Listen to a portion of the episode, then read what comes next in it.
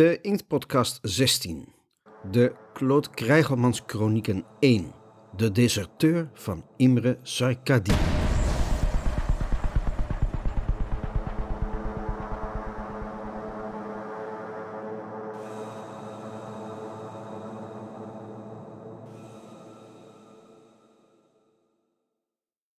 Welkom, fijn dat je luistert naar aflevering 16 van de Inktpodcast. Ik ben Patrick Bassant en ik neem jullie vandaag mee naar Hongarije, via een kleine Vlaamse omweg.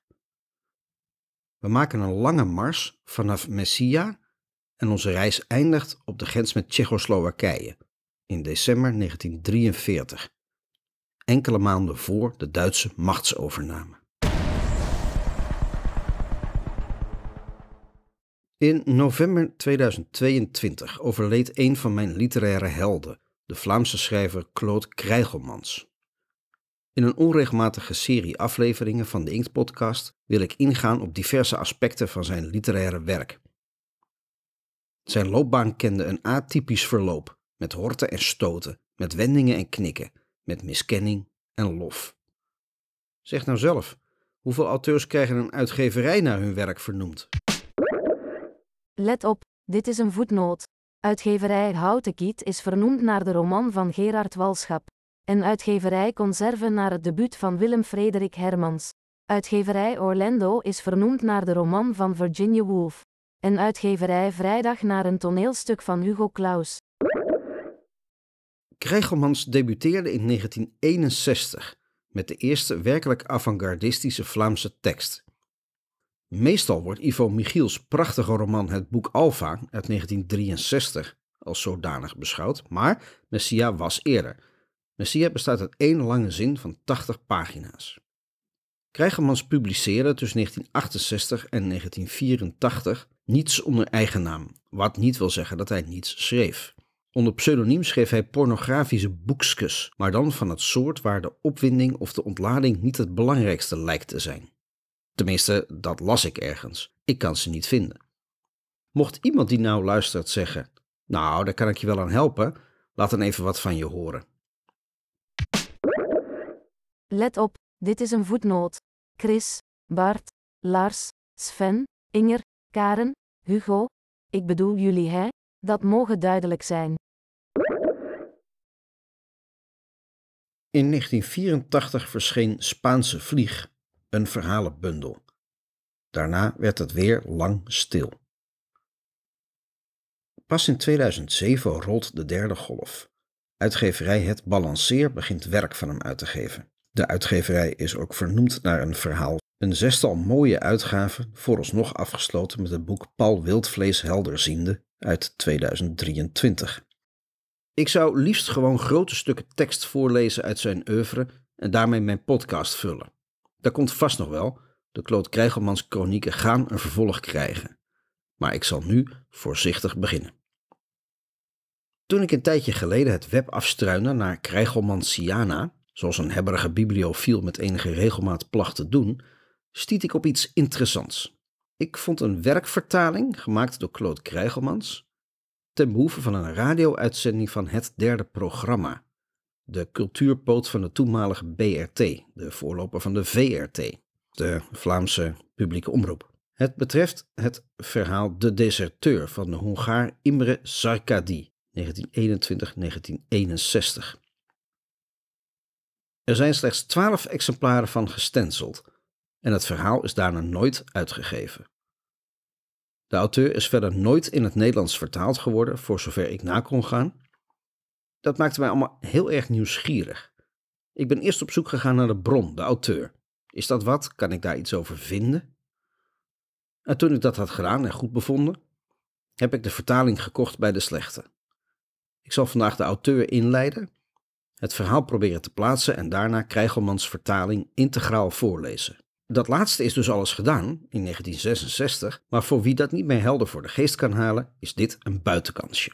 Na de Tweede Wereldoorlog wordt Hongarije ingelijfd in het Oostblok, maar blijft het land een wat gematigdere koers varen dan veel andere Sovjetrepublieken.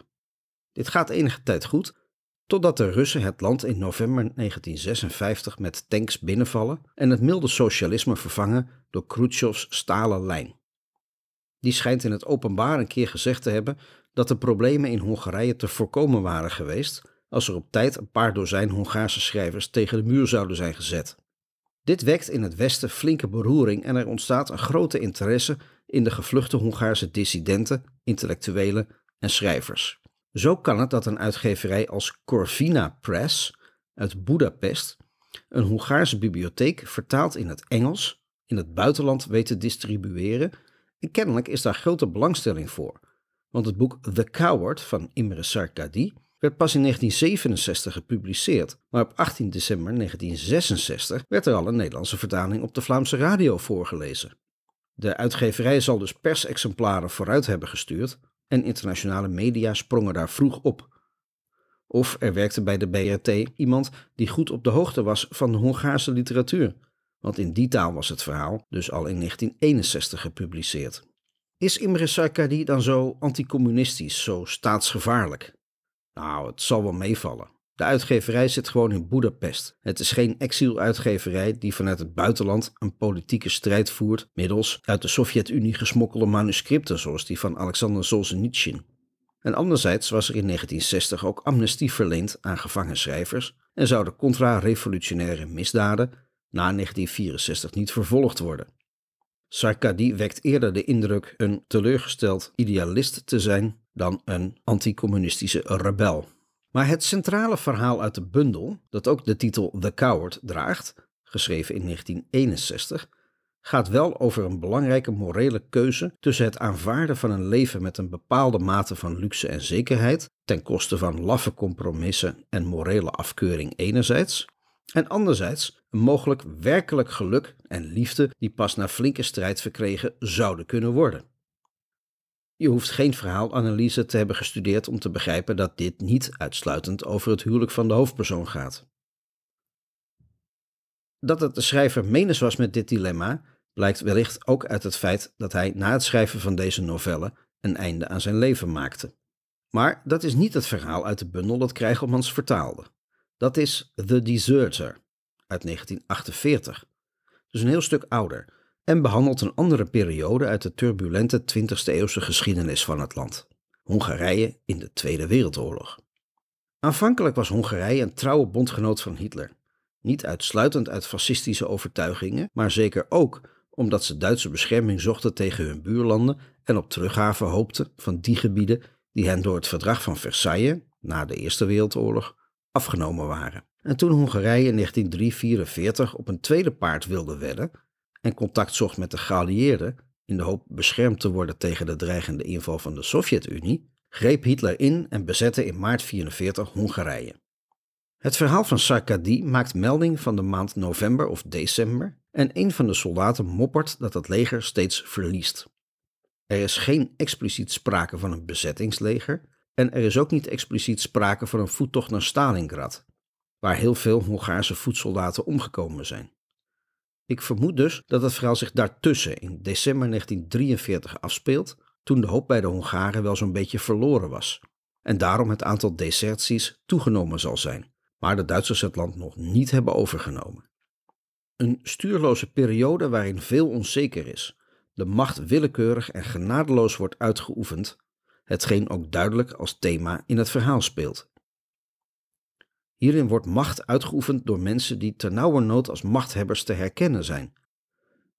En durven anderen nauwelijks vragen te stellen uit angst slachtoffer van willekeur te worden. Ik denk dat het tamelijk in de buurt komt van wat je terreur of misdanige anarchie zou kunnen noemen. Het verhaal gaat over een boerenjongen uit Ujelei, een dorpje langs de spoorlijn op de grens met Tsjechoslowakije. Zijn legereenheid marcheert bijna langs zijn ouderlijk huis en in een opwelling besluit hij even bij ze langs te gaan. Heimwee, vermoeidheid, meer lijkt het niet te zijn. Helaas voor hem wordt hij terloops betrapt door een onheilspellende groep soldaten zonder distinctieve en op desertie staat de doodstraf. Hij zou het wel uit willen leggen als hij maar durfde en als er maar iemand wilde luisteren. Maar de soldaten zijn alleen met zichzelf bezig. Zo, dus best een lange inleiding, maar ik denk dat deze tekst dit nodig had. Nog een kleine waarschuwing. De vertaling is niet vlekkeloos. Ik meen er wat fouten in te vinden en Krijgelmans inconsequente keuze voor de voltooid tegenwoordige tijd is onnodig en wat ongelukkig. Zeker voor luisteraars bijna 60 jaar later. Ook de dialogen missen enige schwung. Maar we zullen het er vanuit literair-historische waarheidstrouw mee moeten doen.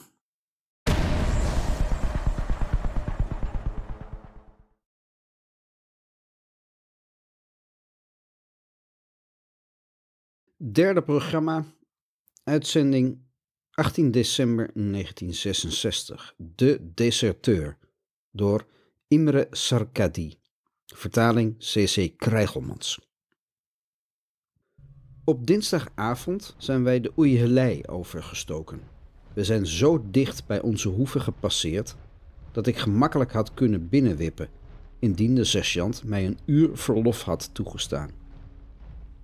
Het zou mij goed hebben gedaan, want ik zat helemaal onder de luizen. Doch ik durfde het niet. We hielden zelfs geen halt en de marskolonne kon ik in geen geval verlaten. De anderen gaven mij de raad dit niet aan mijn hart te laten komen.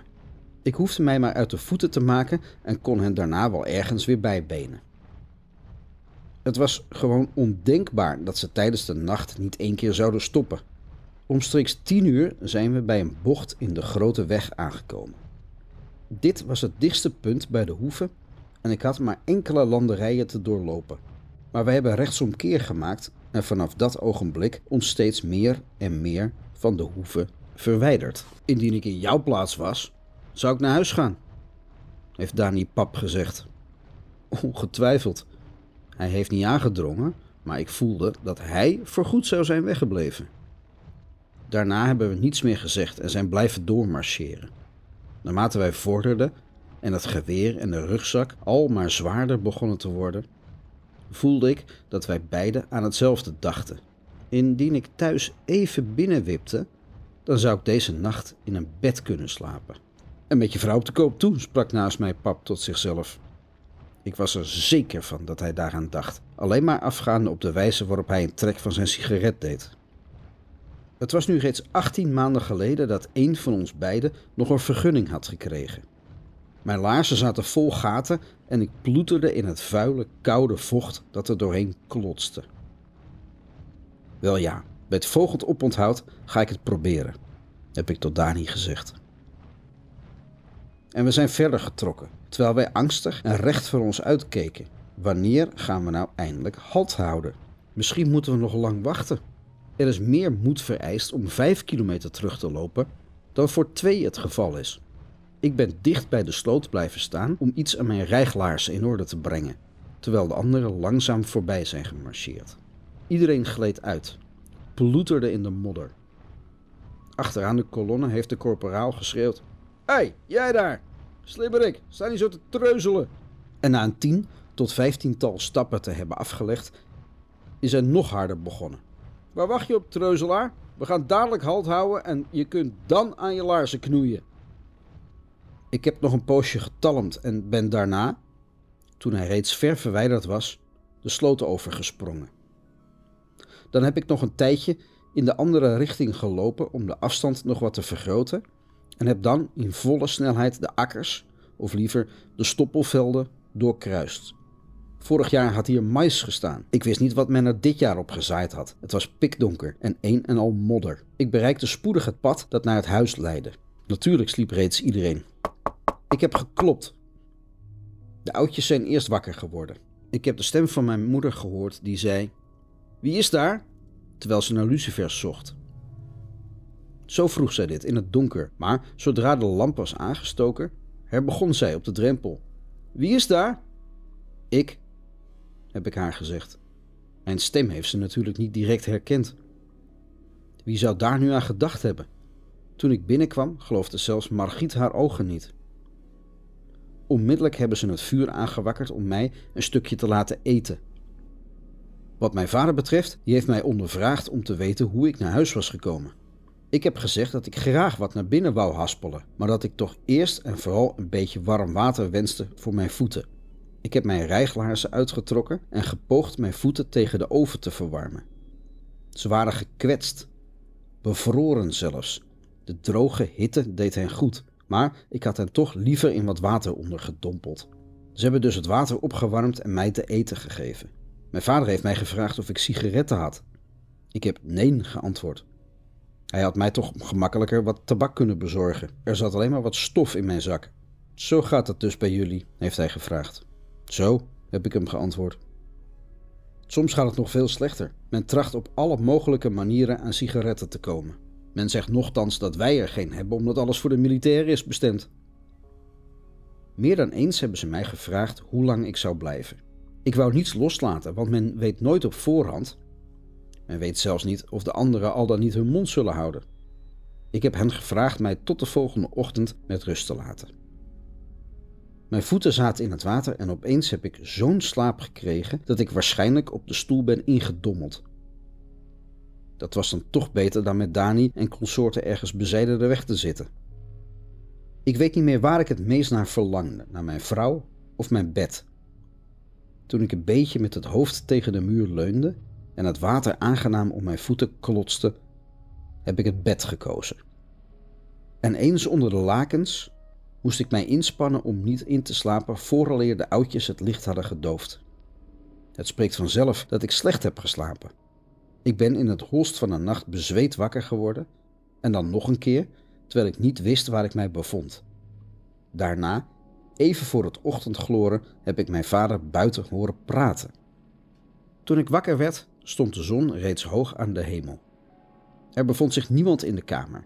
In de keuken hoorde ik het vuur knetteren. Een paard werd het erf opgeleid. Margriet maakte het ontbijt klaar. Ze had een kip gedood. Het kwam mij voor dat zij er zelfs meer dan één had geslacht. Ik heb gezegd: Waarom toch zoveel omhaal voor het ontbijt? Het is niet voor ons, heeft zij geantwoord. Er zijn deze morgen gasten gekomen. Ze hebben de kippen gekocht. Daaraan heb ik mij geërgerd. Waarom nu kippen slachten voor lieden die ochtends aankomen? Heden ten dagen is kip toch wel zeldzaam. We, we konden er niet buiten, heeft ze mij gezegd. Het zijn militairen. Ze zijn hier ingekwartierd, hebben de kippen gekocht, zodat er voor ons niets anders op zat. Wanneer mijn moeder is binnengekomen, heb ik haar gevraagd wat soort militairen het waren. Het had mij in de war gebracht dat zij tot bij ons waren gekomen. Het zijn halve burgers, heeft zij gezegd. Het zijn tien man en ze werden met een vrachtwagen naar hier gebracht. Me reet, heb ik gezegd. En wanneer gaan ze ophoepelen? Hebben ze niets gezegd? Daar hebben ze niet over gesproken. Ik zou liever hebben dat ze er vandoor gingen. Wat zal ik aanvangen als ze hier binnenkomen? Hier in de keuken? En vermits ze overal zijn, op het erf, in de stal, kan ik zelfs niet naar buiten. Wat? heeft mijn moeder gevraagd. Heb je soms schrik? Je bent toch ook soldaat? Zeker, maar ik ontwijk hen toch wel liever. Heb je zelf niet gezegd dat het halve burgers waren? Nou, zo zien ze eruit, maar ze hebben toch geweren bij. Ik ben terug het vertrek binnengekomen. Zij heeft mij de pas afgesneden. Ik zag wel dat ze iets wou zeggen, maar niet durfde. Ze sloeg oplettend mijn gelaatsuitdrukking gade om te zien of ik mij niet wat aardiger zou gaan gedragen. Ik ben begonnen mij aan te kleden voor het geval ze naar binnen zouden komen. Ik hield er niet van naakt uit het bed te worden gesleurd. Gaat het niet? heb ik mijn moeder tenslotte gevraagd. Ze hield maar niet op om mij heen te scharrelen. Ze heeft niets gezegd, enkel maar dat het niet zo slecht kon uitdraaien, vermits wij hen toch onderdak hadden verschaft. Afgezien daarvan hebben ze niet zozeer gevraagd of wij hen wouden ontvangen of niet. Natuurlijk wist ik dat zelf ook. Het ligt niet in de gewoonte van infanteristen om een en ander te vragen. Vooral niet wanneer ze met een vrachtwagen op weg zijn.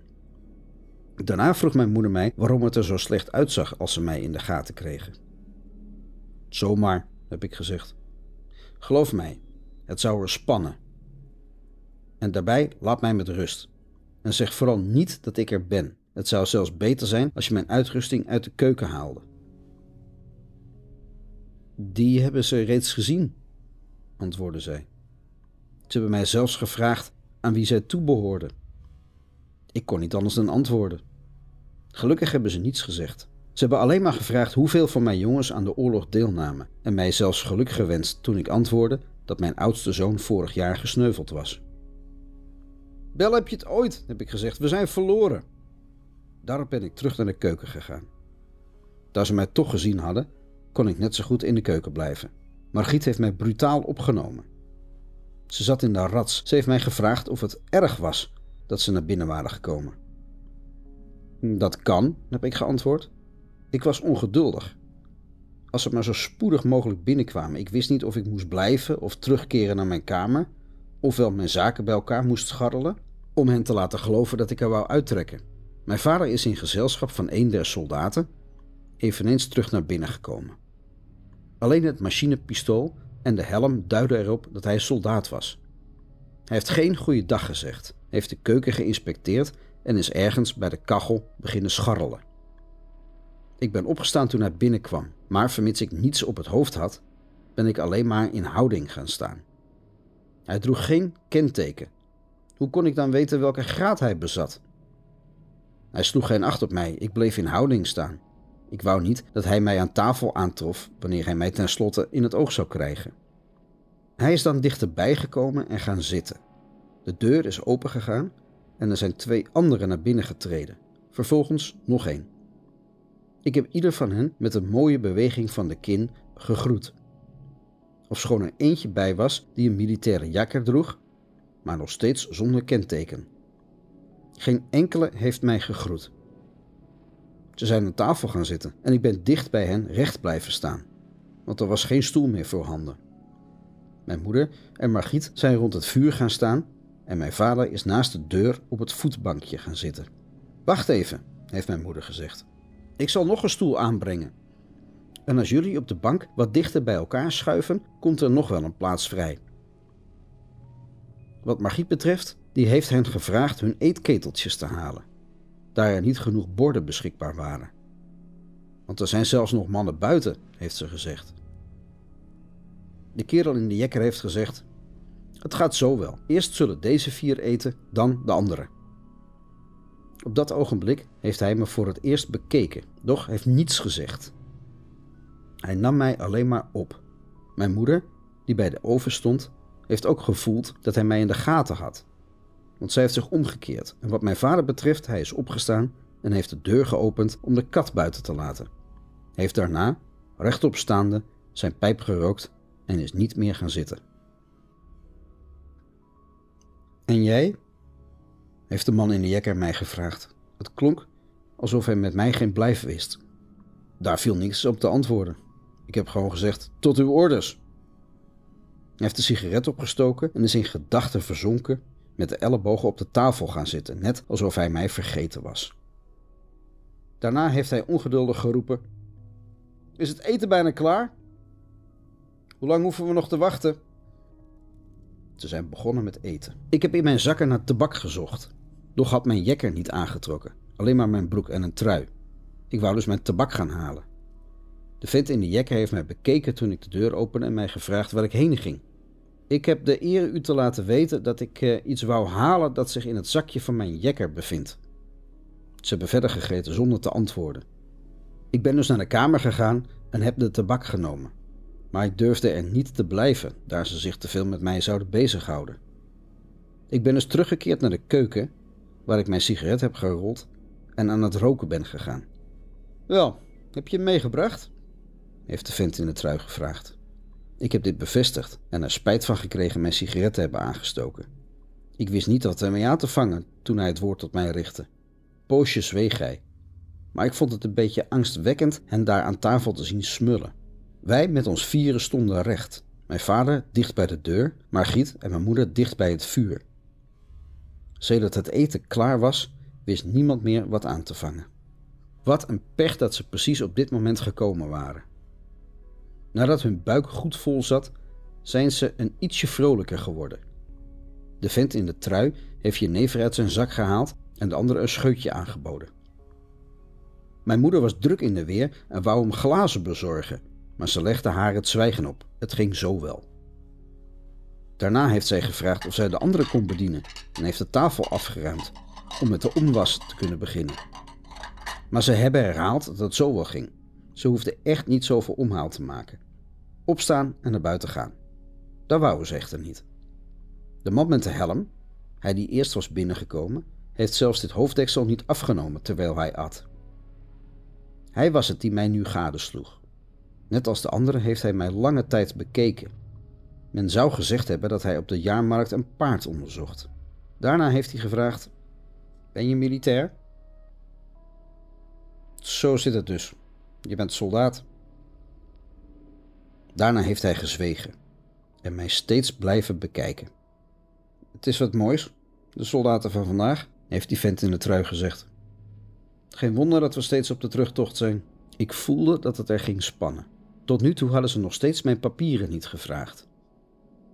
Wat zouden ze doen wanneer ze merkten dat ik geen vergunning had? Waar is uw eenheid? heeft die vent met de helm gevraagd. Ik heb de eer u te laten weten, ben ik begonnen, doch mijn uitleg is wel heel kort geworden. Ik wist niet waar mijn eenheid sinds gisteren was en ik kon hem werkelijk niet verklappen dat zij zich de vorige avond nog steeds op deze plaats bevond. Waar was zij het laatst? heeft die vent in de trui woedend gevraagd. Ik heb de eer u het te laten weten. In Ujelei. En je staat op het punt haar te vervoegen, is het niet? Ze hebben alle gelachen en zich over mij vrolijk gemaakt. Daarna zijn ze uitgevaren tegen de soldaten die zowat overal in het land bezig waren hun eenheid te vervoegen. Doch er vooral goed op letten haar niet te vinden, want anders, gedaan met het lekker leventje en het ontduiken van de dienst. Er zijn er zelfs die recht naar huis komen om hun eenheid te vervoegen.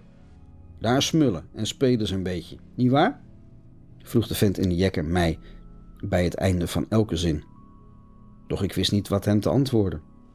En, geluksvogel, zeg mij eens sedert wanneer jij je eenheid opzoekt. Ik had iets moeten zeggen, bijvoorbeeld sedert een week of een maand, maar ik kon er niets meer uitbrengen en heb geantwoord sedert gisteren. Ze hebben het natuurlijk niet al te best gesnapt en mij schaapachtig bekeken. Daarna heeft de vent in de jekker teken gedaan. Breng eens even je papieren. Ik heb ze gebracht, maar ik merkte van op de drempel dat Margriet mij heel angstig bekeek en de hoek van haar voorschoot verfrommelde. Ik heb opzettelijk heel lang in mijn zakken gezocht. Ik had ze nogthans onmiddellijk tevoorschijn kunnen halen. Ik heb een blik op het venster geworpen. Indien ik eens naar buiten sprong. Maar dat zou tot niets dienen. Er bevonden zich buiten ook soldaten. Ik zweette toen ik met mijn boekje tevoorschijn kwam. Ik heb het aan de vent met de jekker gegeven. Misschien zou hij er zelfs geen blik op werpen, maar dat heeft hij wel degelijk en onmiddellijk gedaan. Het vervolgens doorlopen, dan het gelaat opgelicht om een blik op mijn tronie te werpen. Vervolgens is hij opnieuw begonnen. Heel vlug heeft hij het boekje tenminste nog twee keer doorbladerd, maar niets gezegd. Daarna heeft hij me nog een keer bekeken en heeft het boekje op de tafel gesmeten. Wat mijn moeder betreft, die heeft een teken met het hoofd gegeven. Ik heb haar lippen zien bewegen en gemerkt hoe zij de armen strekte, als om mij aan te moedigen. Ze vroeg of het ging, of er geen last van kwam. Ik heb niet geantwoord op dit knoeiwerk en haar blikken vermeden. Onmogelijk dat ze niet zouden gemerkt hebben dat ik niet op het punt stond mijn eenheid te vervoegen, dat ik geen vergunning had en er op een onwettige wijze van onder was getrokken. Natuurlijk heeft hij dat gemerkt, het kon niet anders, maar hij heeft niets gezegd. Hij heeft opnieuw een sigaret aangestoken en heeft dan tot die vent met de helm gezegd: Verwittig de anderen dat ze kunnen komen eten. Daarna is hij recht gestaan en is tussen tafel en deur heen en weer beginnen wandelen. Maar hij is pas gisteren binnengekomen, heeft mijn moeder dan gezegd om hem gunstig te stemmen. Ik heb betreurd dat zij dit gezegd heeft, want indien hij tenslotte wist wat hij wist, had het geen zin erover te praten. Zolang men het daar niet over heeft, is men nog niet verloren. Gisteravond heeft hij tevreden en instemmend geantwoord, alsof hij niets anders verwacht had. Hij heeft mij zelfs een schuine blik toegeworpen, doch enkel maar alsof ik eenvoudigweg een voorwerp in de kamer was. Alsof hij zich om mij niet meer bekommerde. Wel nu, als de zaken zo liggen, dacht ik, dan zal het er gaan spannen. Misschien kan ik mijn best mijn boekje terug opnemen. En ik heb de arm in de richting van de tafel uitgestoken. Laat dat, heeft hij gezegd. Ondertussen is de vent in de helm, vergezeld van enkele soldaten, binnengekomen. De ene zijn gaan zitten, de andere opgestaan. Ik heb gezien dat mijn moeder het voedsel opdiende en dat Margriet haar daarbij behulpzaam was. Plots is de kamer veel te klein geworden. Mijn vader hield zich op bij de deur om niemand voor de voeten te lopen. Kom mee, heeft de vent in de trui gezegd. Hij is voor mij doorgegaan, de andere achter mij aan. Toen ik buiten was, heb ik stilgestaan om op de anderen te wachten. Ik wou de deur achter hen sluiten. Kom aan, heeft de vent met de helm achter mij gezegd. Ik heb gezien dat mijn vader mij door de ruiten in het oog hield. De hond liep tussen mijn benen. Pak je weg, heb ik tot de hond gezegd. Hij hinderde ons en ik wou niet dat men hem een schop gaf. We zijn het erf overgelopen en de vent in de trui is even gestopt om een blik in het ronde te werpen. En ook wij hebben achter hem halt gehouden. Daarna hebben wij ons op weg begeven naar de hooimijten toe. We zijn er één gepasseerd en de vent in de trui is aan de andere kant gestopt en heeft daarna een sigaret opgestoken. Goed, ga daar staan, heeft hij gezegd. Ik ben op de aangeduide plaats gaan postvatten. Daarna zijn ze verder gegaan, maar die vent heeft mij toegeroepen: Draai je om naar de hooimeid toe, rechtsomkeer. Ik heb rechtsomkeer gemaakt en naar de hooimeid gekeken die voor mij stond. Ze hebben drie of vier passen achter mijn rug afgelegd. Ik heb het vochtige stro onder hun laarzen horen ritselen. Dan hebben ze halt gehouden en ter plaatse rust. Ze moesten het machinepistool van de schouder nemen. Ik verwachtte dat ze ogenblikkelijk zouden vuren. Wat? Vuren zonder mij eerst ondervraagd te hebben? Ze hebben mij niets gevraagd. Hij heeft alleen maar een blik op mijn militair zakboekje geworpen. Dan heb ik eraan gedacht dat ik een vergunning had kunnen hebben. En indien dat werkelijk waar was, dan had zij uit mijn boekje kunnen glijden. In dat geval zou hier een grove onrechtvaardigheid zijn geschied. Opeens ben ik werkelijk gaan geloven dat ik een vergunning gekregen had en dat zij werkelijk uit mijn boekje verdwenen was. En ik heb mij omgekeerd om hem die vergissing uit te leggen. Ze stonden reeds alle vier op een rij. De vent met de helm morrelde aan zijn machinepistool, de drie anderen wachten op hem. Daarom hadden ze nog niet geschoten. Ze hebben zelfs niet gezien dat ik mij had omgekeerd. Ik heb een seconde gewacht, aarzelend, en heb dan met luide stem gezegd: Ik heb de eer u te laten weten dat mijn verlofbrief uit mijn boekje is gevallen. En ik heb hem pas in uw richting gezet. Kapitein, om die reden heeft u het niet aangetroffen. Alsjeblieft. Ik zal het onmiddellijk gaan zoeken. Ik had hen graag terug naar het huis geleid. Misschien bezat ik wel degelijk een verlofbrief. Mijn moeder was er alleszins met mijn vader en, en de hond. Ik heb de hond teruggestuurd. Indien ik het geweten had, dan zou ik hen niet met zoveel vertrouwen naar buiten hebben vergezeld. Indien ze alleen maar wouden. Ik, ik, heb u de eer te laten weten dat ik het onmiddellijk zal brengen, heb ik snel herhaald. Daarna heb ik met mijn hemdsmouw het voorhoofd afgewist. Ze hebben niet gereageerd. Ik ben nog een halve pas genaderd, maar nog steeds hebben ze niet gereageerd. Misschien had ik helemaal niets gezegd en alleen maar de handen en voeten bewogen. Het stro was vochtig onder hun laarzen. Vervolgens heeft de vent met de helm de loop van zijn machinepistool op mij gericht en onmiddellijk hebben ze alle vier geschoten. Ik heb aan de hond gedacht, aan het voetbad en aan de heupen van Margriet, waarop ik de avond tevoren, vooraleer in te slapen, de hand had geplaatst. En zo, lieve luisteraar, eindigt het verhaal van deze maand. U luisterde naar De Deserteur, een verhaal van Imre Sarkadi, in opdracht van de BRT vertaald door Claude Krijgemans en voorgelezen, opgenomen en gemonteerd door Patrick Bassant. Voor het geluid dank ik mynoise.net. En ik dank jou voor het luisteren en hoop je volgende maand weer te mogen trakteren op een nieuwe Inktpodcast.